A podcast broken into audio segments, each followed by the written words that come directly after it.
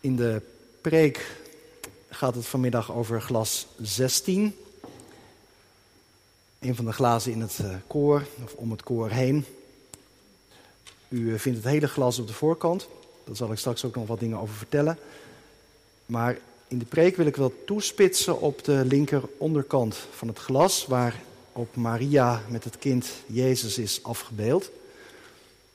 En met het oog daarop ook de lezingen vanmiddag. We beginnen met de lezing van Lucas 1, 26 tot 38.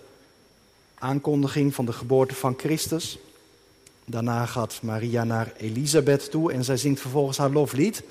Dat doen wij ook na de eerste lezing. We zingen de lofzang van Maria in wisselzang, zoals aangegeven. Tweede lezing dan, openbaring 12, 1 tot 12. En vervolgens zingen wij Psalm 2, de coupletten 1, 2 en 4. Lucas 1, vanaf vers 26. Daar luidt het evangelie. In de zesde maand werd de engel Gabriel door God gezonden naar een stad in Galilea waarvan de naam Nazareth was. Naar een maagd die ondertrouwd was met een man van wie de naam Jozef was uit het huis van David. de naam van de maagd was Maria. En toen de engel bij haar binnengekomen was, zei hij: Wees gegroet, begenadigde. De Heere is met u, u bent gezegend onder de vrouwen. Toen zij hem zag, raakte zij in verwarring door zijn woorden en zij vroeg zich af wat de betekenis van deze groet kon zijn. De engel zei tegen haar: Wees niet bevreesd, Maria, want u hebt genade gevonden bij God. En zie, u zult zwanger worden en een zoon baren, en u zult hem de naam Jezus geven. Hij zal groot zijn en de zoon van de Allerhoogste genoemd worden. En God de Heere zal hem de troon van zijn vader David geven. En hij zal over het huis van Jacob koning zijn tot in eeuwigheid. En aan zijn koninkrijk zal geen einde komen. Maria zei tegen de engel: Hoe zal dat mogelijk zijn, aangezien ik geen gemeenschap heb met een man? En de engel antwoordde en zei tegen haar: De Heilige Geest zal over u komen. En de kracht van de Allerhoogste zal u overschaduwen. Daarom ook zal het heilige dat het u geboren zal worden, Gods zoon genoemd worden. En zie, uw nicht Elisabeth is eveneens zwanger van een zoon in haar ouderdom. Dit is de zesde maand voor haar die onvruchtbaar genoemd werd. Want geen ding zal bij God onmogelijk zijn. Maria zei, zie de dienares van de Heere, laat met mij geschieden overeenkomstig uw woord. En de engel ging van haar weg. Tot zover de eerste lezing. Openbaring 12, ik lees het hele hoofdstuk. En er verscheen een groot teken in de hemel.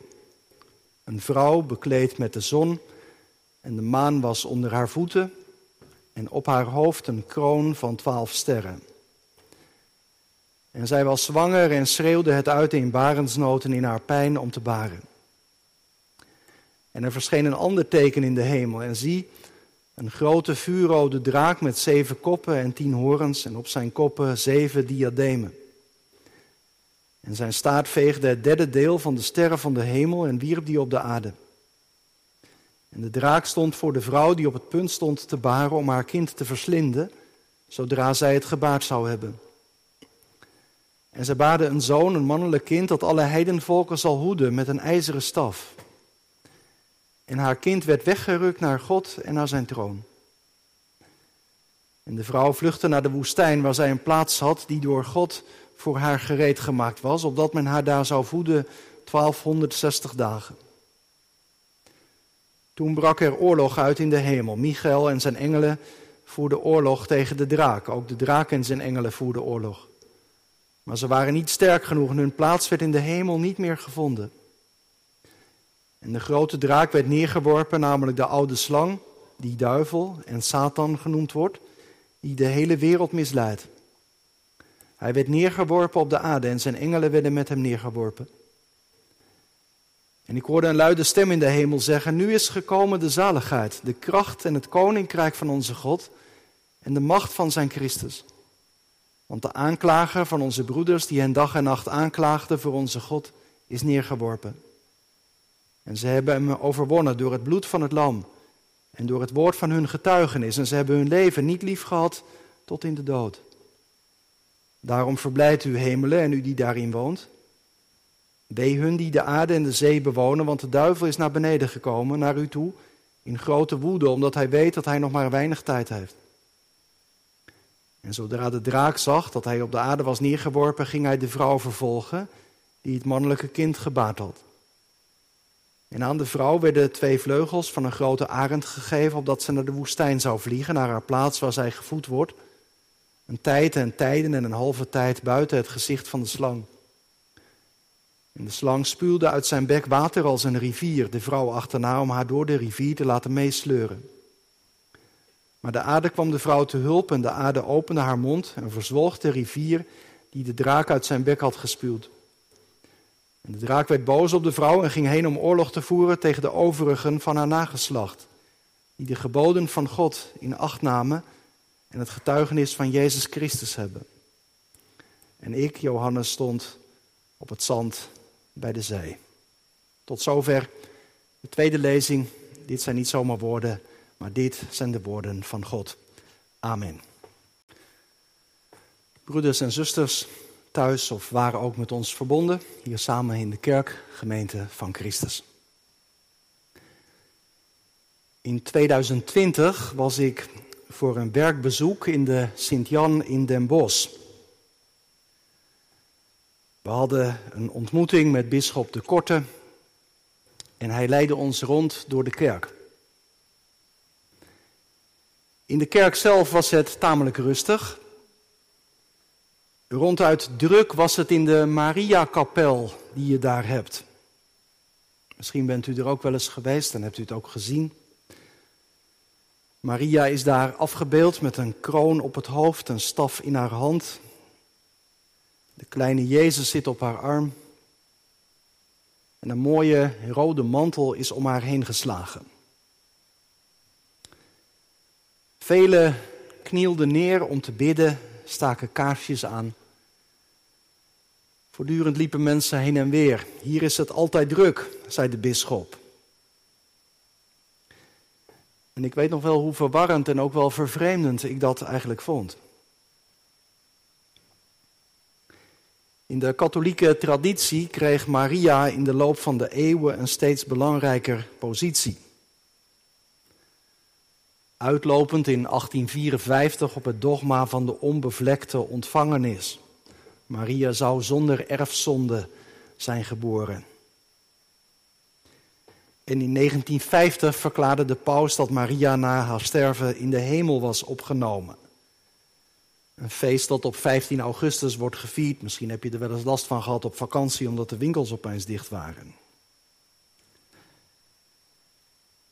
In de traditie van de Reformatie werd met heel veel elementen van de Maria-verering gebroken. Er werd bijvoorbeeld een einde gemaakt aan heel veel feestdagen die voor Maria werden gehouden. De reformatoren keerden zich ook tegen de gedachte dat Maria een soort middelaar zou zijn tussen God en ons. Iemand die je makkelijker kunt aanroepen dan God zelf. En tegelijkertijd, dat was ook wel weer eigenlijk een ontdekking tijdens mijn eigen voorbereiding van deze dienst. De reformatoren bleven altijd toch wel met heel veel eerbied over Maria spreken.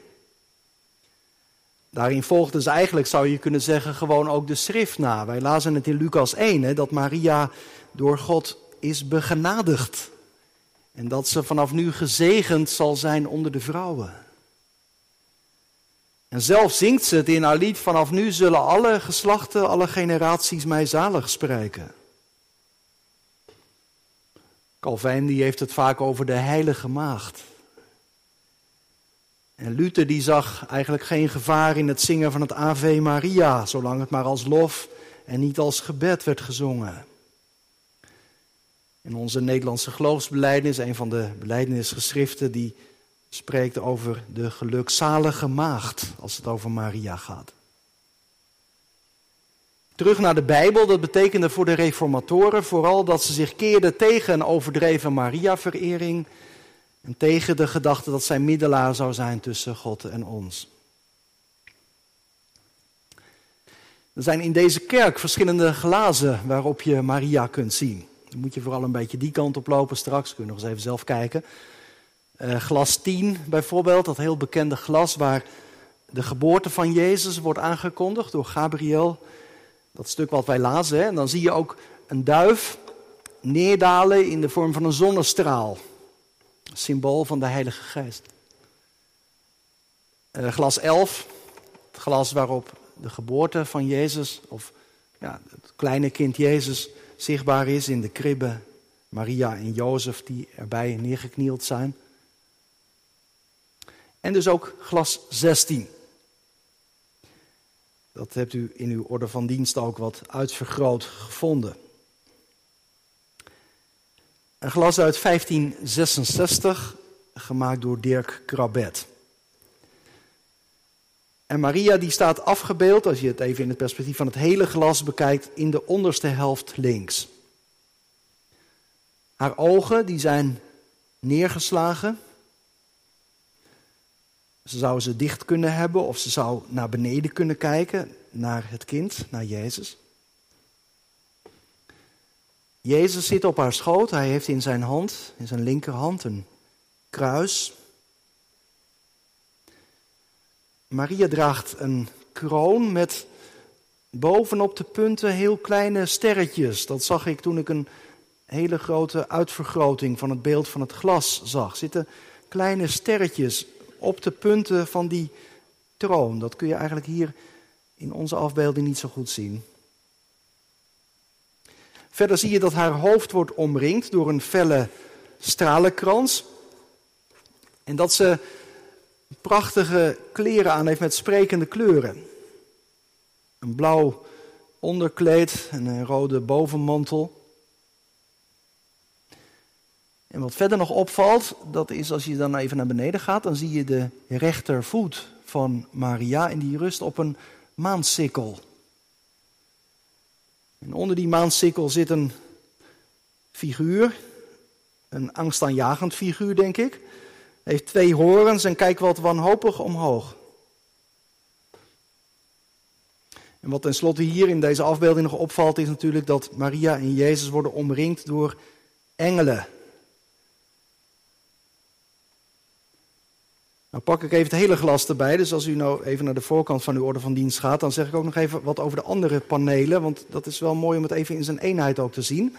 Aan de rechterkant zie je de schenker van het glas. Alle glazen hier in de kerk zijn geschonken, hè, dat weet u waarschijnlijk. De schenker wordt vaak afgebeeld, niet altijd trouwens. Hier Cornelis van Nierop, dat is de man die daar geknield zit. En achter hem staat zijn beschermheilige, dat is Vincentius van Saragossa, die in 304 stierf als een martelaar in Spanje. Het vuur achter hem verwijst daar ook naar. Er is ook een grote steen afgebeeld en op de grond liggen scherven. Nou, dat kun je hier bijna niet zien. Maar dat zijn allemaal verwijzingen naar de gruwelijke manier waarop die Vincentius aan zijn einde kwam. Gruwelijke marteldood. Ik neem ook even nog de bovenkant erbij. Je naar de bovenkant kijkt, dan, ja, dat zie je eigenlijk nu ook wel heel goed. Als je zo even het geheel in ogenschouw neemt, dan springt vooral die man in het paarse gewaad eruit. Hè? Dat is Jezus. Links, boven, in het midden. Jezus die wordt omringd door mensen die allemaal gefocust zijn op hem. Christus geeft getuigenis over zichzelf, wordt dat deel vaak genoemd. En dan wordt er verwijzen meestal, verwezen meestal naar Johannes 5, waar Jezus iemand op een rustdag geneest en daarna zegt hij, ik heb een belangrijker getuigenis dan Johannes, het werk dat de Vader mij gegeven heeft om te volbrengen. Wat ik doe, getuigt ervan dat de Vader mij heeft gezonden. Jezus die getuigenis geeft van zichzelf. En als je dan vanaf Jezus naar boven gaat, dan zie je, nou ja, dat is hier bijna niet meer zichtbaar. Dat kun je eigenlijk beter zien als je straks even naar het glas loopt. Dan zie je daarboven Johannes weergegeven als een kleine opgerichte figuur die bezig is iemand te dopen. En helemaal rechtsbovenin zie je Johannes nog een keer. Dan loopt hij met een groepje mensen. Komt hij eigenlijk zo het glas binnenwandelen, zou je kunnen zeggen. En, en boven Johannes zie je dan, dat heb je soms in de glazen, zo'n tekstballonnetje. Een bandenrol heet dat en daar staat een tekst opgeschreven. Daar staat in de Nederlandse vertaling dan: Hij moet toenemen, ik moet minder worden. Nou, als je een beetje bijbelvast bent, dan weet je dat zijn woorden die Johannes de Doper uitspreekt in Johannes 3. En Johannes zegt dan, van, het gaat uiteindelijk niet om mijzelf, maar het gaat om Christus. En Krabet heeft dat volgens mij in dit glas ook heel letterlijk genomen door Jezus veel groter af te beelden dan Johannes. Uit alles wordt, om zo te zeggen, duidelijk, het gaat om die man in zijn paarse gewaad. Op hem richt Johannes de schijnwerper. Hij moet groter worden en Johannes, ja, die mag dan kleiner worden en zelfs van het podium verdwijnen. Nou zou je op grond van dat bovenste deel van het glas kunnen zeggen dat die afbeelding van Maria met het kind sowieso eigenlijk het verkeerde signaal is. Zo'n plaatje leidt alleen maar af van de centrale positie van Christus. Laat staan dat je Maria dan ook nog eens afbeeldt als een soort koningin. Want dat lijkt hier op deze afbeelding wel het geval. Dat zag je in de middeleeuwen eigenlijk ook steeds vaker gebeuren. Er zijn allerlei afbeeldingen, bijvoorbeeld van dat moment dat de wijzen uit het oosten op bezoek komen bij Jezus. En dat ook dan Maria wordt afgebeeld als een vorstin. Je zou kunnen zeggen, die koninklijke heerlijkheid van het kind, die straalde ook af op zijn moeder. En er is in Rome een kerk, kwam ik tegen tijdens de voorbereiding, kerk uit de 12e eeuw, de Santa Maria in Trastevere, waar Maria en Christus zelfs samen op de troon zitten. Maria die eigenlijk haast dan bijna dezelfde positie als Jezus toegekend krijgt. En in de 12e eeuw wordt het lied Salve Regina gedicht. Wees gegroet, koningin. Een lied waarin Maria als koningin wordt aangeroepen en waarin ook tot haar wordt gebeden om zich over de bidder te ontfermen. Nou ja, je voelt wel aan, dat kun je natuurlijk wel veel vragen bij stellen. Is dat nou eigenlijk wel een Bijbels beeld om zo naar Maria te kijken? Ik wil proberen vanmiddag daar ietsje dichterbij te komen, al valt dat ook nog niet zo mee. Ehm, eh, eh, openbaring 12 is in ieder geval wel een sleutelhoofdstuk om hier wat dingen over te zeggen. Trouwens, niet alleen een sleutelhoofdstuk als het gaat over de positie van Maria, maar ook wel een hoofdstuk dat een hele belangrijke rol speelt in het geheel van het boek Openbaring. Zo ongeveer in het midden. Hoofdstuk dat een sleutelrol speelt en dat beeld, dat beeld van Maria als koningin, dat komt daar ook vandaan. Uh, vooraf goed om in je achterhoofd te houden, voor zover je dat nog niet wist, dat de eerste lezers van het boek Openbaring zich in een vijandige omgeving bevinden. Op de achtergrond speelt de verering van de keizer als goddelijk en de vervolging van christenen die daar niet aan willen meedoen. En ook de relatie tussen christenen en Joden die geen christen werden, die is spanningsvol. Dat proef je op allerlei manieren. Kijk even met me mee naar het hoofdstuk. Er zijn, zou je kunnen zeggen, drie episodes te onderscheiden. Daarom dacht ik, ja, ik moet het eigenlijk ook gewoon in zijn geheel lezen. Allereerst de versen 1 tot en met 6. In het eerste vers, dat heb je denk ik wel gemerkt, daar klinkt die inspiratie door voor dat glas 16. Er verscheen in de hemel een indrukwekkend teken. Een groot teken. Een vrouw bekleed met de zon. De maan was onder haar voeten en op haar hoofd een kroon van twaalf sterren. En wordt hier dan geschreven, die vrouw is zwanger en wordt bedreigd door een grote vuurrode draak die haar kind wil verslinden. Maar het kind wordt weggerukt naar God en zijn troon en de vrouw vlucht naar de woestijn. Het tweede stukje van het hoofdstuk, dat zijn dan de versen 7 tot en met 12, die beschrijven dat er vervolgens oorlog uitbreekt in de hemel. Tussen Michael en zijn engelen aan de ene kant en de draak en zijn engelen aan de andere kant. De draak die wordt uiteindelijk verslagen en naar beneden gegooid op de aarde. En een stem bezingt de gebeurtenis. De aanklager van de broeders is ten val gebracht. Dat klinkt een uitbundig lied. Daarom verblijdt u, hemelen en u die daarin woont, hè, vers 12. Ten slotte, derde deel, de versen 13 tot en met 18. Die beschrijven dan hoe de vrouw op aarde wordt achtervolgd. Maar de vrouw krijgt vleugels om naar de woestijn te vliegen. De draak die probeert dan nog mee te sleuren door een stroom water achter haar aan te spuwen, maar het is te vergeefs. Het water loopt zomaar weg in de aarde. De aarde opent zich en de vrouw die gaat vrij uit. Dan krijgt de vrouw niet te pakken, de draak, en vervolgens gaat hij de strijd aan met haar nageslacht.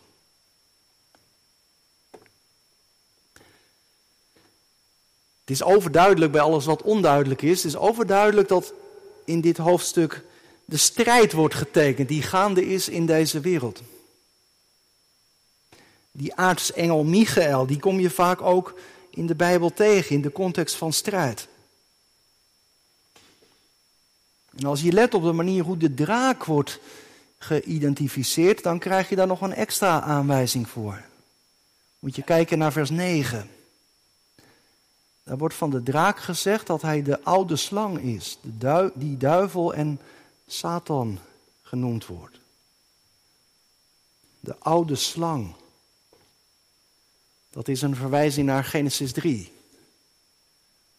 De slang verleidt daar de mens tot zonde. En vanaf dat moment is het, zou je kunnen zeggen, oorlog. Aan de ene kant is er de macht van het kwaad. De nakomelingen van de slang, zou je kunnen zeggen. En aan de andere kant is er het nageslacht van de vrouw. Er is vijandschap door de eeuwen heen. Ik zal, zegt God zelf al in Genesis 3, ik zal vijandschap teweeg brengen. Tussen u en de vrouw, tussen uw nageslacht en haar nageslacht. Dat zal jou de kop vermorzelen en jij zult het de hiel vermorzelen. Genesis 3, vers 15. Nou, je zou kunnen zeggen, die woorden die al in Genesis 3 klinken, die komen hier in openbaring tot een climax. De slang van weleer, die komen we hier tegen in de gedaante van een draak die oorlog voert tegen de vrouw en haar nakomelingen. Maar wie is nou precies die vrouw in dit hoofdstuk dan? In ieder geval opvallend dat ze geen naam krijgt. Die draak die wordt uitvoerig geïntroduceerd en er is sprake van Michael. Maar deze vrouw die krijgt geen naam. Dat moet denk ik in ieder geval ook terughoudend maken om haar direct te identificeren met Maria. Als je nog wat preciezer inzoomt, dan zou je kunnen zeggen: deze tekst die biedt aanwijzingen dat de vrouw verwijst naar Israël, naar het Joodse volk. Het gaat bijvoorbeeld over de hemellichamen hè, in vers 1. Over de zon en de maan en de sterren. En dat doet denken aan een passage uit Genesis, Genesis 37. Dan zit je in de geschiedenissen van Jozef. Jozef die vertelt dan dat hij in een droom de zon, de maan en elf sterren heeft gezien die zich neerbuigen voor hem. En Jozef was dan de twaalfde ster, de twaalfde zoon van Jacob. Dus die twaalf sterren als verwijzing naar de twaalf stammen. En ook het beeld van een vrouw in barensnood, daar gaat het over in vers 2, kun je verbinden met Israël. Dat doet Jezaja bijvoorbeeld in hoofdstuk 26. En later in hoofdstuk 49 van Jezaja wordt Israël vergeleken met een vrouw die beroofd is van haar kinderen. En ook bij de woestijn waar het hier over gaat, zijn allerlei verwijzingen naar Israël te maken. Aan de andere kant, en dat gebeurt ook wel door uitleggers, kun je zeggen dat die vrouw misschien ook wel een beeld is voor de kerk, voor de christelijke gemeente. De reden voor de dreiging van die draak, dat is immers haar kind. Haar kind dat de volkeren zal hoeden, zo staat het met een ijzeren staf. Dat is een citaat uit de tweede psalm die we ook zongen. waarmee ongetwijfeld naar de persoon van Christus wordt verwezen. En het hoofdstuk helemaal aan het einde loopt het uit op de vervolging door de draak van de nakomelingen van de vrouw. Zij die de geboden van God in acht nemen en die het getuigenis van Jezus Christus hebben. Nou, dat was heel concreet voor die gemeenteleden die die brieven lazen, die dat boek Openbaring onder ogen krijgen. Dat ging over hen. Dreiging en vervolging. Als het gaat over deze vrouwgemeente, dan zijn er dus verwijzingen naar een Joodse achtergrond. En er zijn ook christelijke verwijzingen. Maar daar nog even op verder denkend, dan is het dus ook niet zo vreemd dat bij deze vrouw ook wel aan Maria is gedacht. Zij is tenslotte, zou je kunnen zeggen, bij uitstek de vrouw die door de slang wordt belaagd. Satan die richt al zijn pijlen op haar kind, op Jezus. Denk aan dat moment dat als Jezus geboren is en ze moeten vluchten naar Egypte, omdat Herodes het kind probeert te doden. En ook daarna wordt op allerlei manieren geprobeerd om Jezus' missie onmogelijk te maken door het rijk van de duisternis. En uiteindelijk zal het door de ziel van Maria een zwaard gaan, als ze haar zoon moet loslaten. Als die sterft aan het kruis. En de machten van het kwaad eens en voor goed gewonnen lijken te hebben. En toch is het anders. De vrouw verschijnt, zegt vers 1, in de hemel. Het gaat dan vooral om de plaats waar God woont. Ze kan niet te gronden gericht worden, ze zal overwinnen. En de kroon die ze draagt, dan moet je denken aan een overwinningskrans. Zo'n krans die aan een Olympische kampioen werd gegeven. Het ging vanmorgen ook over een van de brieven uit uh, Openbaring 2 en 3. En in een van die brieven klinkt ook die woorden: Wees trouw tot in de dood en ik zal u de kroon, de krans van het leven geven. Met andere woorden, die barende vrouw waar het hier over gaat, ze is kwetsbaar, maar ze zal overwinnen. Dat geldt, zou je kunnen zeggen, van Maria, dat geldt van Israël. Dat geldt ook voor de christelijke gemeente. En daarom kan er in dit hoofdstuk dat daar profetisch over zingt al gezongen worden over de overwinning. Kijk nog even naar die prachtige woorden in vers 10 en 11. Ik hoorde een luide stem in de hemel zeggen: Nu is gekomen de zaligheid, de kracht en het koninkrijk van onze God en de macht van zijn Christus. Want de aanklager van onze broeders, die hen dag en nacht aanklaagde voor God, is neergeworpen. En ze hebben overwonnen, hem overwonnen door het bloed van het lam en door het woord van hun getuigenis. En ze hebben hun leven niet lief gehad tot in de dood. Zeker, er is een grote strijd gaande. Ze omspant de hele tijd van het begin, vanaf Genesis tot aan het einde toe. In vers 17 wordt benadrukt, die strijd is nog gaande. Het gaat daar over het nageslacht van de vrouw. Een directe verwijzing naar Genesis 3. Denk aan de christelijke kerk. De strijd is groot. De draak is machtig. Maar de uitkomst staat vast. Bemoedigend is dat. Ik hoop dat je het meedraagt deze nieuwe week in. Dat wat er ook een aanvechting op je pad kan komen. Waar je ook tegenaan kunt lopen als mens in deze wereld. Wat er ook in de kerk allemaal gaande kan zijn en mis kan zijn. Er is hoop. De strijd gaat voorbij. Daar staat God zelf voor in. Kijk nog even mee naar het glas.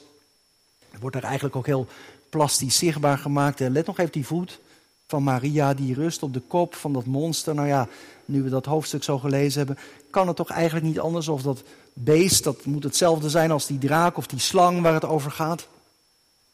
Angstaanjagend personificatie van de macht van het kwaad. Maria zet haar voet op hem. Hij kan geen kant op. Het kwaad is beteugeld. Wordt helemaal weggedaan uiteindelijk. En wat ik mooi vond, dat viel me eigenlijk zomaar op. Als je nou van die voet van Maria zo recht omhoog gaat, dan zie je ook het voetje van Jezus. Dat deed mij ook wel even denken aan die woorden uit 1 Korinthe 15. Eenmaal zullen al zijn vijanden onder zijn voeten worden gelegd. En dan denk ik toch nog wel even aan het geheel van het glas, gemeente. Zeker, zeker, Maria speelt een grote rol in de geschiedenis van het heil. Zij mocht de moeder van de redder zijn. En haar lied, dat hoort tot een van de liederen in de kerk. Dagelijks wordt het gezongen in de vespers over deze hele wereld. Een lied waarin ze hoog opgeeft van de redding van God. En, tegelijkertijd wijst ze in dat lied zelf ook de goede richting. Ik zat voor mezelf te denken, ja eigenlijk lijkt Maria in die zin toch ook wel een beetje op Johannes de Doper in dat glas. Omdat wij voor de redding niet bij Maria moeten zijn. Omdat wij voor de redding ook niet bij Johannes de Doper moeten zijn. Weet je nog wat Johannes zei? Christus moet toenemen, ik minder worden. In die zin zou je kunnen zeggen, niet Maria is de koningin, maar Jezus Christus is de koning. Hij is de redder. En hij is overwinnaar over de zonde, de duivel en de dood. Lof zij u Christus in eeuwigheid. Amen.